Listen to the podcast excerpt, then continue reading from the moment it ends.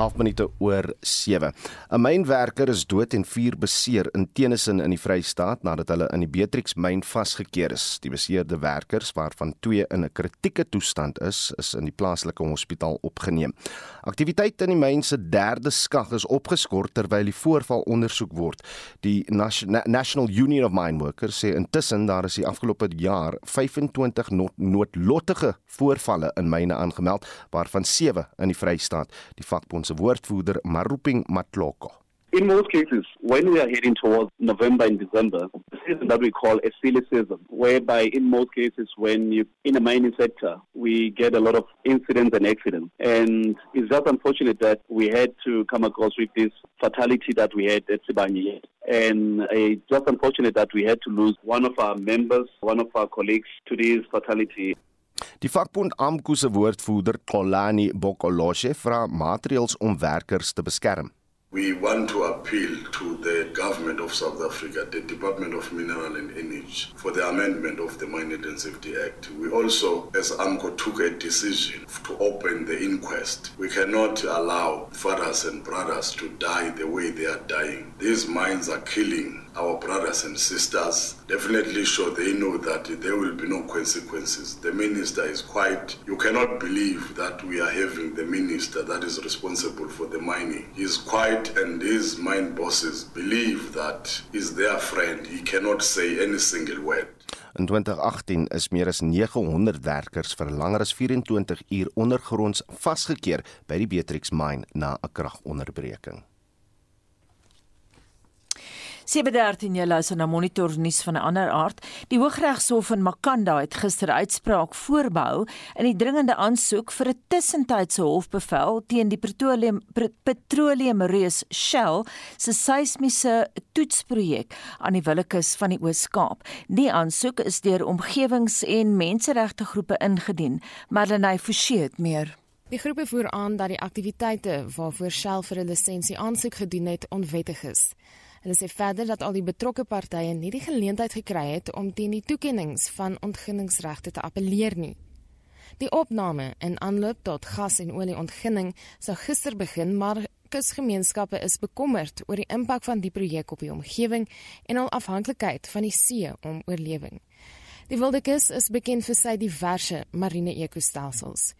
Drukgroepe waarsku dat die gebruik van lugkanonne wat 24 uur per dag gereeld onder die water afgevuur word, groot skade aan onderwater ekostelsels kan veroorsaak, omdat die klank daarvan gelykstaande is aan groot bomontploffings op land.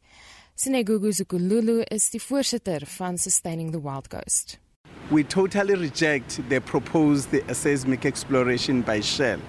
One, because the coastal communities who are dependent on the ocean for livelihoods, for spirituality, for healing, all of those things were not consulted.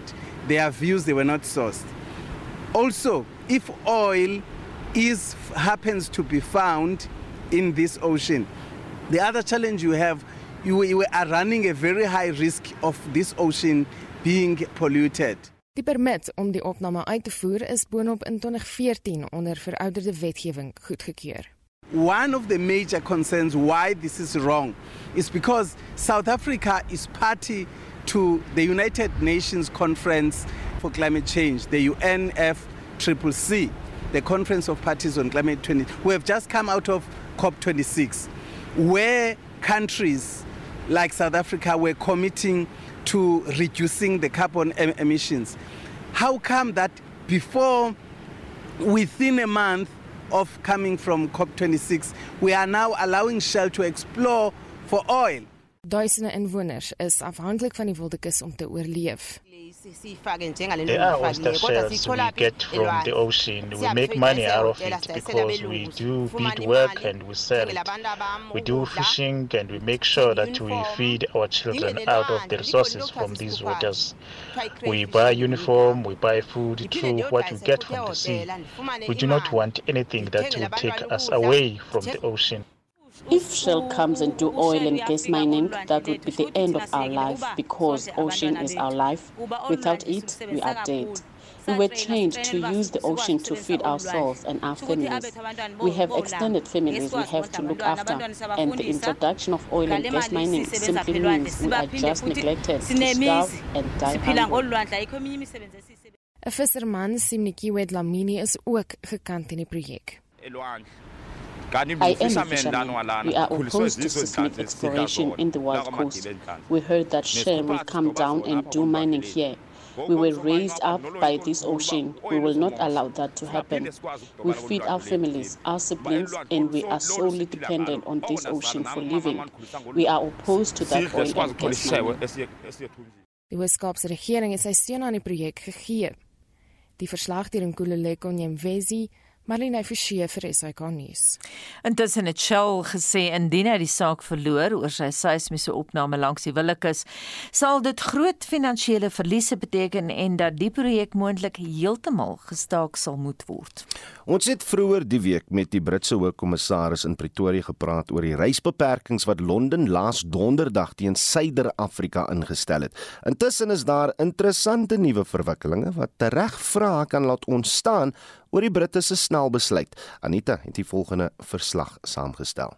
Nederland het die week bevestig dat die Omicron variant van COVID reeds 5 dae voordat Suid-Afrika se wetenskaplikes die WHO oor die variant se bestaan ingelig het, in Nederland voorgekom het.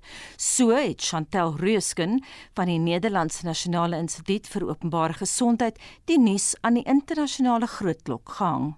One of the two had a travel history to Southern Africa, the other had not. This means that this person most likely picked up the Omicron variant up in the Netherlands. The size of the chain of transmission is not known yet. Dit plaas die Britte en ander se reisverbod onder verdenking, so sê Otto de Vries, hoof van die Vereniging van Suid-Afrikaanse Reisagente, oftewel ASATA. Look, we're not surprised by this announcement from the Dutch at all. In fact, We were aware of the fact that in Scotland they'd identified cases of this variant prior to the South African announcement of having identified the variant in our laboratories here. This variant has probably been around for a while, and I am absolutely convinced that it didn't start in South Africa or Southern Africa.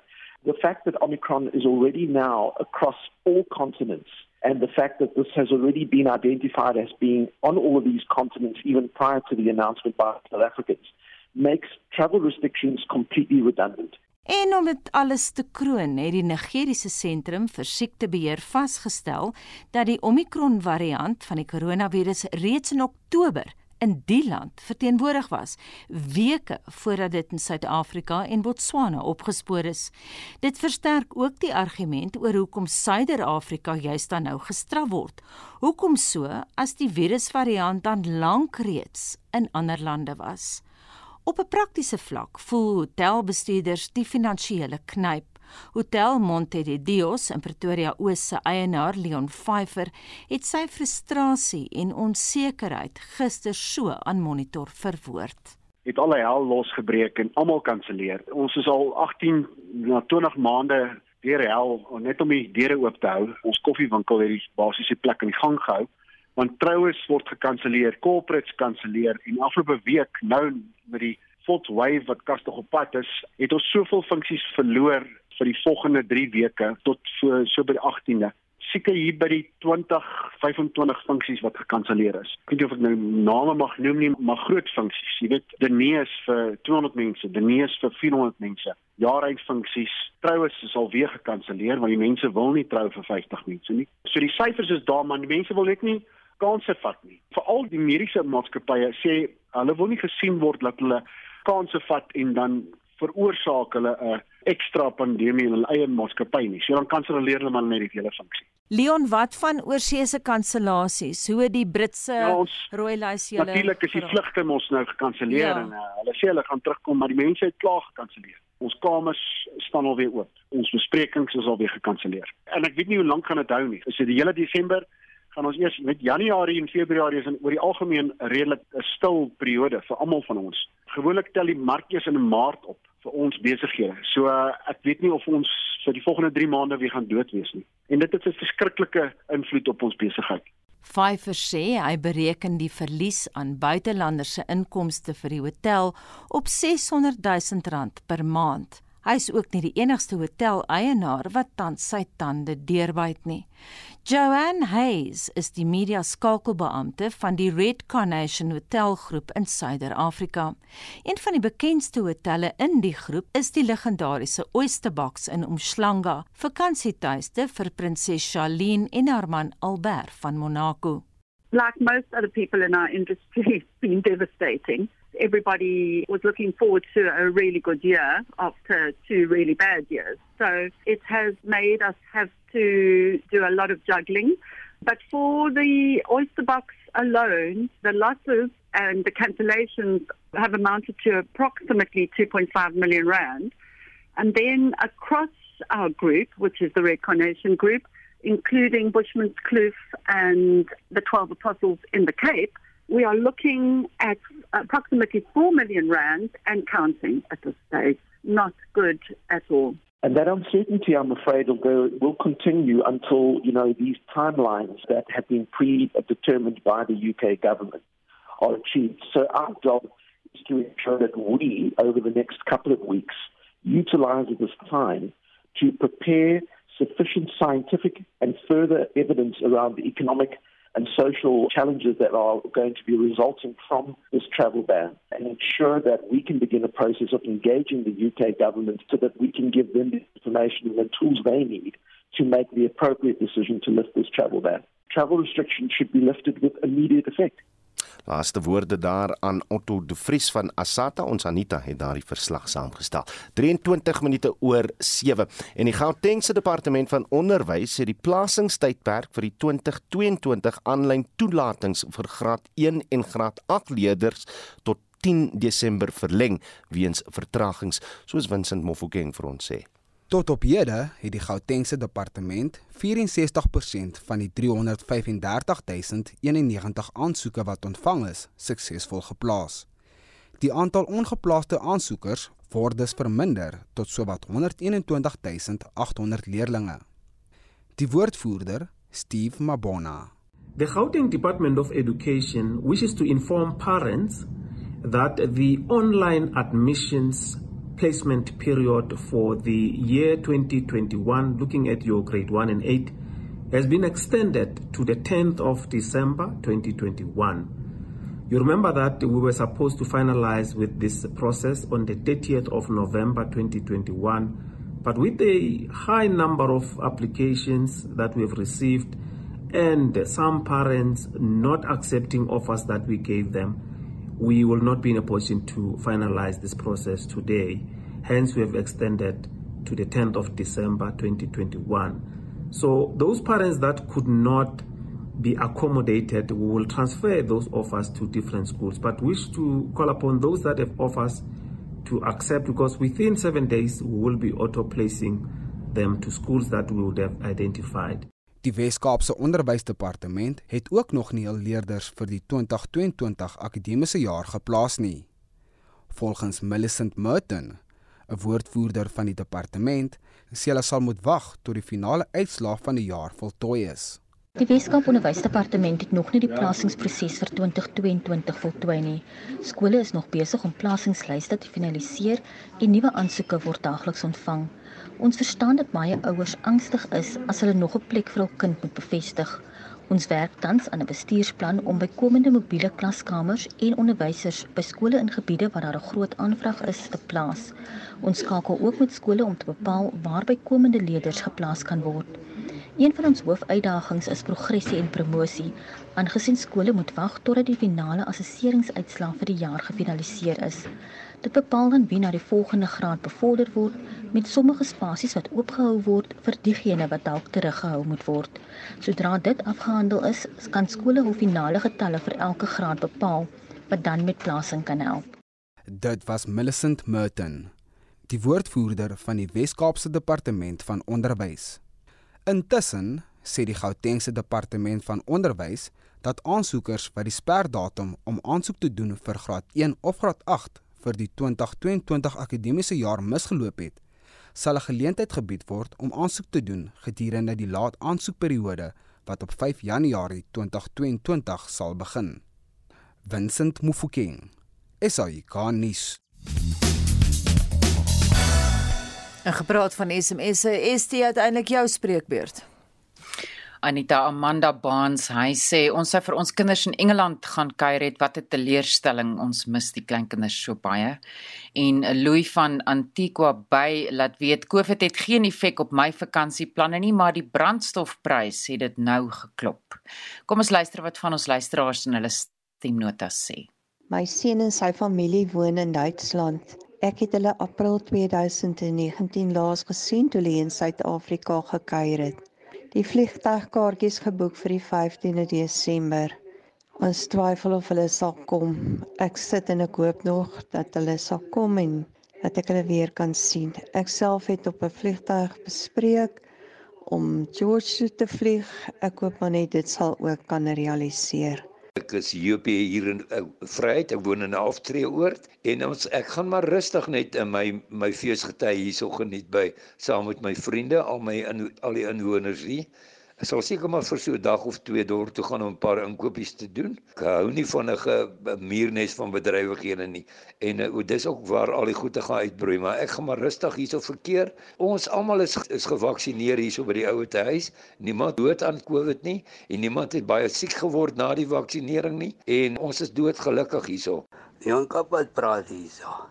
Na al die jare is dit die eerste keer wat ons familie van ons gedeeltes van ons familie bymekaar wil kom op uh, 25 Desember en die 26ste. Nou weet ons nie wat gaan gebeur met hierdie corona nie. Vir die eerste keer na 50 jaar gaan ek my sitter se dogter sien wat in die Kaap bly. Ons het uh, saam groot geword toe ons babietjies was. Maar sy kom hier by in die begin van Februarie maand. Ek hoop corona gaan dit ook nie 'n bederf nie. En dan sê Samuel Walters, ek sou Israel toe gegaan het vir 'n week op 20 Desember, maar dis nou van die baan. COVID gaan nog vir lank regeer. Ons wil vandag by jou weet watter impak het COVID-19 op jou Desember planne en om familie en vriende weer te sien. Gesels saam deur vir ons 'n SMS te stuur na 45889. Onthou dit kos jou R1.50 per SMS. Gesels saam op ons Monitor en Spectrum Facebookblad of stuur vir oulaas vir ons 'n stemnota na 076 536 6961.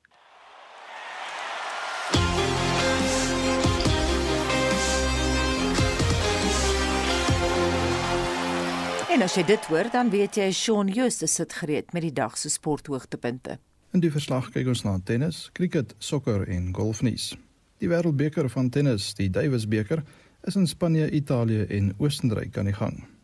Servië het hulle plek in die halfeindstryde verseker toe hulle Kazakhstan gisterand met 2-1 geklop het. Servië het beide wedstryde waarin die wêreldnommer 1 Novak Djokovic betrokke was, gewen. Rusland meet vandag in die laaste halfeindstryd teen Swede kragte. Twee van die wêreld se top 5 spelers, Daniel Medvedev en Andrei Rublev, is in die Russiese span. Cricket. Sri Lanka dag 3 van die tweede en laaste toets teen die Windies op 46 vir 2 in hul tweede beurt geëindig. Dit was 'n agterstand van net 3 lopies met nog 8 paltjies staande. Die Indiese A-span het dag 2 van die tweede vierdag wedstryd in Bloemfontein teen die Suid-Afrikaanse A-span op 198 vir 5 in hulle eerste beurt geëindig nog 99 lopies agter die Suid-Afrikaner se eerste beurtelling van 297. Marco Jansen het 70 nie uit nie aangeteken en ook twee paaltjies vir 20 lopies platgetrek. Sokker. In die DStv Premier League het Marumo Gallants gister 3-1 met TS Galaxy afgereken. Orlando Pirates straf vanaand half 8 teen Baroka FC op die veld uit. In die Engelse Premier League is Everton gisterand op hul tuisveld met 4-1 deur Liverpool afgeronsel. Manchester City weg 2-1 teen Aston Villa en Chelsea ook weg 2-1 teen Watford geseëvier. Die ander drie wedstryde het gelyk opgeëindig. Die telling is 2 elk tussen Southampton en Leicester City, 1 elk tussen West Ham United en Brighton and Hove Albion en 0 elk tussen Wolves en Burnley. Vanaand half 10 kom Tottenham Hotspur teen Brentford en kwart oor 10 Manchester United teen Arsenal te staan. En laastens op die golfbaan slaan die Hero Wêreld Uitdaging vanaand kort na 6 in die Bahamas af.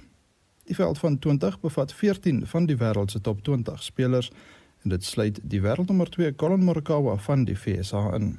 Henrik Stenson van Swede was die wenner in 2019. En die Suid-Afrikaanse Ope het so 'n uur gelede op die Gary Player buiteklub by Sun City afgeslaan. Die veld van 156 spelers bevat 'n hele paar groot plaaslike name soos die verdedigende kampioen Christian Besaidnout, Dean Burmester, George Coetzee, Dylan Fratelli, Justin Harding, Wilco Ninaber en Daniel van Tonder. Totale prysgeld beloop 'n half miljoen dollar. Shaun Schuster, RSG Sport.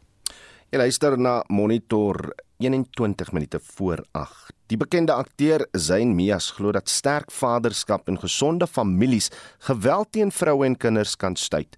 Hy het in 2008 die Fatherhood Foundation begin om manne aan te spoor om goeie paas te wees.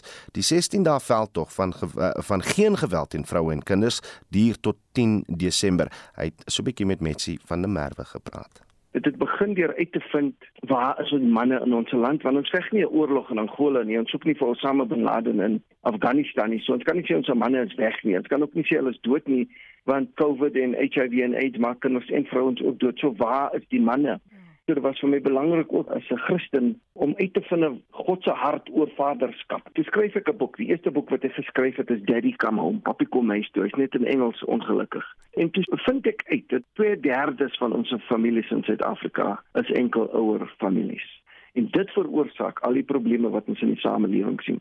Daar waar ek vandaan kom en waar ek kerk hou in Westbury, Johannesburg, bende geweld is terrible en ook dwelmmisbruik reg oor die land 'n tiener swangerskap is op amper 40% vir kinders tussen 11 en 20. Ons het gesien het verlede jaar hier in Gauteng in 23000 jong mense tussen die ouderdom van 9 en 20 kinders wat 9 jaar oud is gee geboorte aan kinders dit is skrikwekkend. En dit gaan presies oor die feit dat daar gebrek van vaderskap is dat moeders twee rolle moet speel en hulle is nie gebou om twee rolle te speel nie. Hulle moet nou mammy en daddy speel en dit werk nie so nie. Hoekom is ons manne weg van hulle godgegewe plekke in die familie in? Dit is die vraag. Wat jou antwoord? Eintlik begin in 2006. My organisasie NGO gestig in 2008-9. Ek gaan reg oor die land. Ek het al oor met die half miljoen manne en vroue gepraat. Klein dorpies, groot stede. Ek het met Angus Baggen gewerk met die Mighty Men projek met duisende manne op 'n slag gepraat en ons verkondig die woord oor die belangrikheid van vaderskap en die belangrikheid van ordentlike manskap. Want manne is in 'n verwarring oor wat manhaftigheid en manlikheid is. En dit is half die probleem hoekom hulle vasgevang is in die siklus van vaderloosheid. Kyk, ons kan teruggaan en kyk wat die oorsaak van die ding was. Wat was dit? Kom ons gaan na die 50e jare en 60e jare toe, toe die bantu stands ontstaan het. Mense die na Botswana en Transkei en Suskei weg van die groot stede af. Maar die manne is dan gevra om te kom werk in die myne en in die groot stede. En so het die kinders dan groot geword sonder 'n vaderfiguur in die huis. Veral in ons swart gemeenskappe die amper stres gebrek van familielewe sodat manne weg is van hulle supportstelsel, jy moet daarmee wees die vroue en kinders en so aan in 'n main uh, hostel gesit. Kyk, vaderloosheid affekteer elke ras, elke klas en elke area in ons samelewing in Suid-Afrika. Dit hang af waar jy gaan, dan is dit 'n ander aspek van vaderloosheid. Ons kan sê ons gaan in swart gebiede, is daar gebrek van want die kultuur sê 'n man kan net bewys hy is 'n man as hy 'n kind. So hy maak kinders om te bewys hy's 'n man, want sy kultuur sê vir hom hy's net 'n man as daar 'n kind is. En ook poligamy, 'n kultuur ding wat wys jy kan 5, 6 vrouens byvoorbeeld het, soos so ons oud president Jacob Zuma. Dit is 'n kultuur ding maar hy's nie daar om sy kinders groot te maak nie. So hulle word weer groot net met hulle maan. Ons kan kom in die breingebiede dan vind ons uit dat 'n gebrek van manlikheid en dat 'n groot verslawing in sekere gebiede op dwelms en drankmisbruik, bende geweld is groot in daai gebiede. Wat is die voorbeeld wat gestel is? Wat is die siklus wat hulle ingevang is? Ons kan gaan na die sekere wit areas. Dan vind ons uit as paans wat glo hulle gee hulle kinders geld en dit is dan 'n manier van goeie vaderskap, maar dit is nie meer as die geld wat kinders wil hê, soek hulle jou teenwoordigheid in hulle lewe in. So paans voel, hulle voorsien, hulle as hulle voorsien het hulle goeie paans, maar hulle is afwesig in kinders se lewe. Hulle is besig met werk, hulle is besig met ander goedjies. Ek het altyd gesê kinders weet nie of hulle ryk of arm is nie. Kinders weet nie of hulle swart of wit is nie, maar hulle sal verstaan as hulle liefde ontvang of nie. Want liefde is iets wat 'n kind deurdra tot hulle ouer jare. Hulle sal verstaan jy kan arm wees, maar jy kan weer ryk word. Of jy kan ryk as jy jy kan arm word. Daai omstandighede kan verander maar nie liefde wat daar moet wees as jy 'n kind is nie. Nie die teenwoordigheid van 'n pa, wie se stem so belangrik in jong mense se lewens is nie. Daai kan jy nie later in die lewe wil kom vervang en daarin sit nie. Dit is amper soos building blocks wat 'n mens moet sit as 'n kind nog aan 'n baarmoeder is. Ek het uitgevind toe my vrou swanger was, dis sê die dokter vir my, jou stem is belangrik vir hy kind in die baarmoeder. En ek kan aanpraat vir ure. Hmm oor hoe belangrik dit is dat ons die herstelling van vaderskap eerste moet sit om 'n nasie te herstel. My tweede boek immers is Happy Family Happy Nation. So die familie is so sal 'n nasie is. Ons hou kampe. Ek het boeke geskryf. Ek het 'n movie gemaak. Ek het 'n CD gemaak oor songs oor vaderskap. Ja, ons doen alles wat ons kan om manne te laat besef hoe belangrik vaderskap en manlikheid is in vandag se samelewing. Wat is 'n manlike man? Ons sê nie wat 'n man is en moet wees nie. Ons praat eerder oor wat 'n man nie moet wees nie. Jy kan verskillende boeke lees en verskillende aspekte lees van manlikheid en manhaftigheid en wat dit moet wees en hoe dit moet wees en wat jy moet doen en nie doen nie, maar nie almal gaan saamstem nie. Veral in Suid-Afrika waar ons 12 verskillende tale het en dubbel soveel kulture. Ons praat eerder oor wat manlikheid en manhaftigheid nie is nie. As ons gaan praat met die jong mense in skole en sê ons vir hulle om met 'n meisie te slaap om jou manlikheid te bewys maak jou nie 'n man nie. Om 'n kind na vore toe te bring om te sê hier is 'n kind ek is 'n man maak jou nie noodwendig 'n man nie.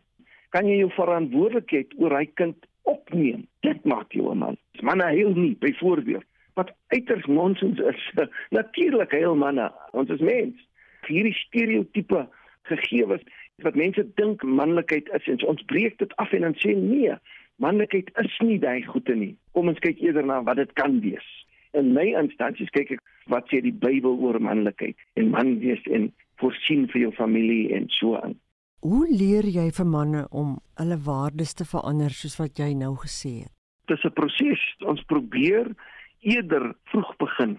My organisasie het programme wat ons na skole toe vat en met kinders praat, meisies en seuns oor die belangrikheid van vaderskap en familie en dat hulle omstandighede waar hulle uitkom nie noodwendig die beginning and the end of it is nie dat omstandighede kan verander maar ons glo dit's beter om 'n boontjie as hy nog jonk is te buig en in die regte rigting te laat groei eerder as om 'n man wat al vasgevang is in 'n hele klomp gewoontes. Nou moet ons probeer baie goed te verander. Dit is veel makliker om met 'n jonger kind te werk as om met 'n ouer man te probeer regbring. Maar ons doen dit. Dink jy dat geweld teen vroue en kinders kan regstreeks toegeskryf word aan die feit dat ons so 'n groot vaderlose samelewing is?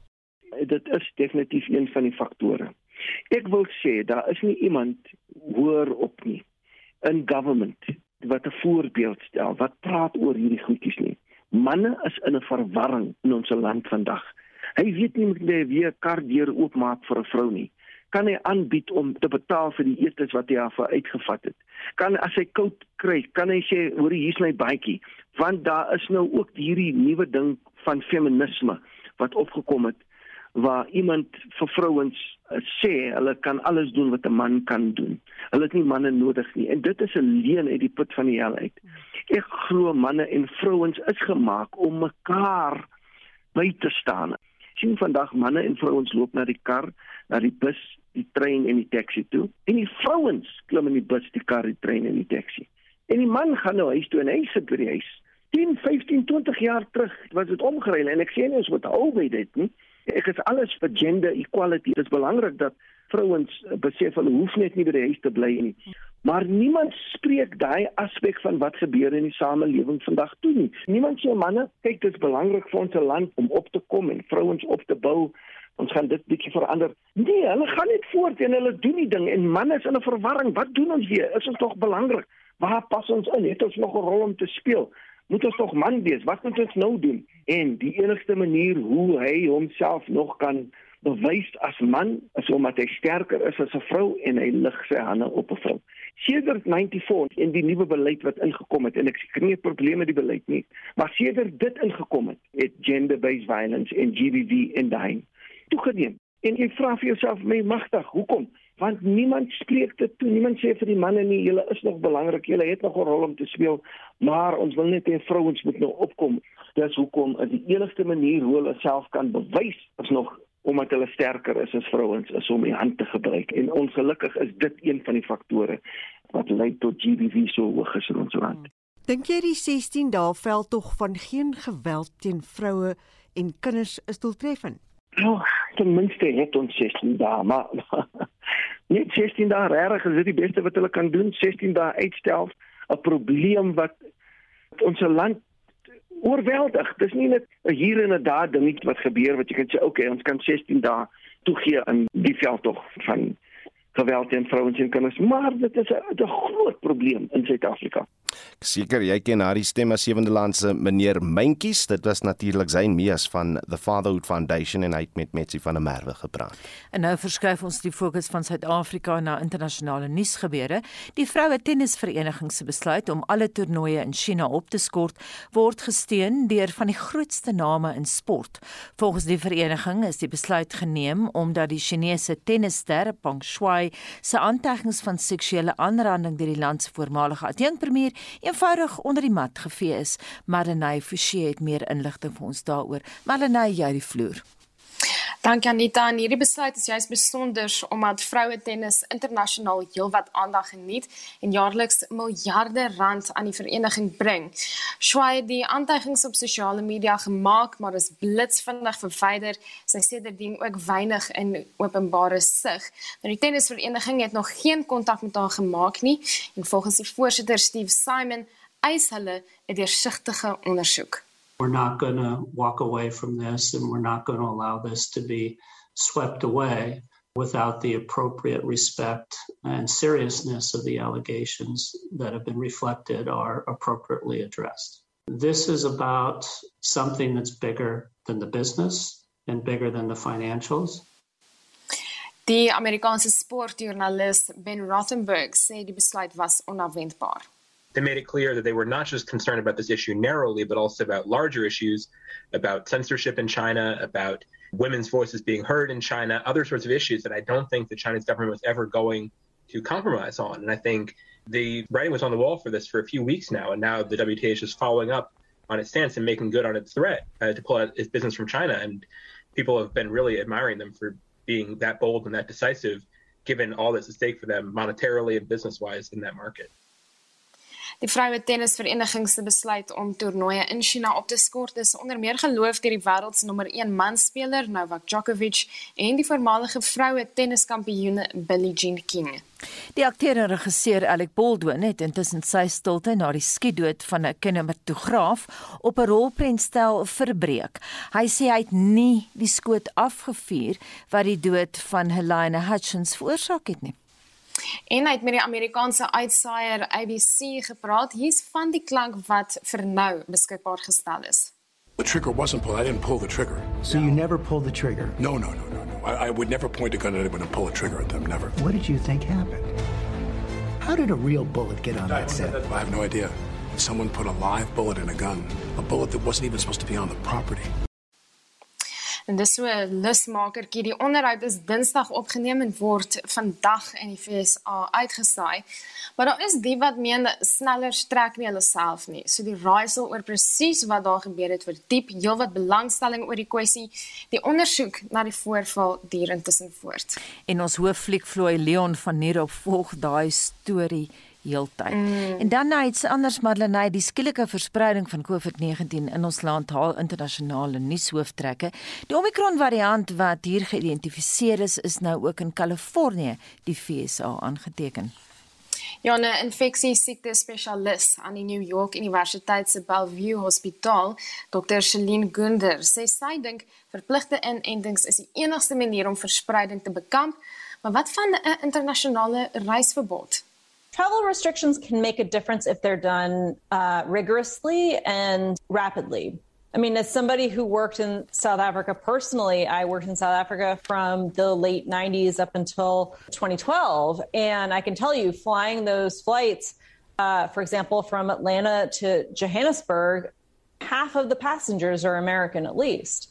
And so if you're only surveilling half of your passengers and the other half could be carrying, incubating the Omicron or other variants, you're really leaving a very wide loophole there. En dit was 'n infeksie siekte spesialis aan die New York Universiteit se Bellevue Hospitaal, Dr. Celine Gunder. En dit was Marlene met die jongste op die internasionale nuusfront. Is die laaste terugvoer. Adri Mostert sê ek sou na 13 jaar my oudste seun en sy familie uit Abu Dhabi gesien het. Hierdie oudste kleinkind laas gesien toe hy 3 jaar oud was. Hulle sou kom kuier het van die 12de tot die 27ste Desember en dis vir my baie baie hartseer. En Ansie van Onrus rivier laat weet ons eerste agterkleinkind van Abu Dhabi ook van Abu Dhabi sou in Klerksdorp gedoop word, maar dit is nou van die baan. Ons sal haar seker nooit sien nie. Ons is baie oud. En 'n luisteraar laat weet my seun trou die 18de Desember. Baie geld is bestee op die troue. Ek hoop nie ons kry reisbeperkings nie. Baie dankie vir jou terugvoer vanoggend. Nee, foi tog. Uh, Marlene, wat's op die dagboek? Statistieke is alstel sy algemene huishoudelike opname bekend en dit plaas die klem op basiese dienste van die regering se kant af. Die Menseregte Kommissie se verhoor oor die Julie onluste in Gauteng en KwaZulu-Natal duur voort en die Wes-Kaapse owerheid vra dat reisbeperkings opgehef moet word ten spyte van 'n moontlike vierde vlaag COVID-19 gevalle tydens die feestyd. Dit en meer tussen 12 en 1 op Spectrum vanmiddag. Onthou vorige uitsendings van Monitor Spectrum naweek aktueel kommentaar en fin fokus is op RSG se webblad as 'n potgooi beskikbaar. Jy gaan na www.rsg.co.za. Ons sê totsiens namens ons uitvoerende regisseur Nicoline de Weer, redakteur Wessel Pretorius, tegniese regisseur Daitron Godfrey en hierdie is van die span van myself Udo Karlse en Anita Visser. Totsiens.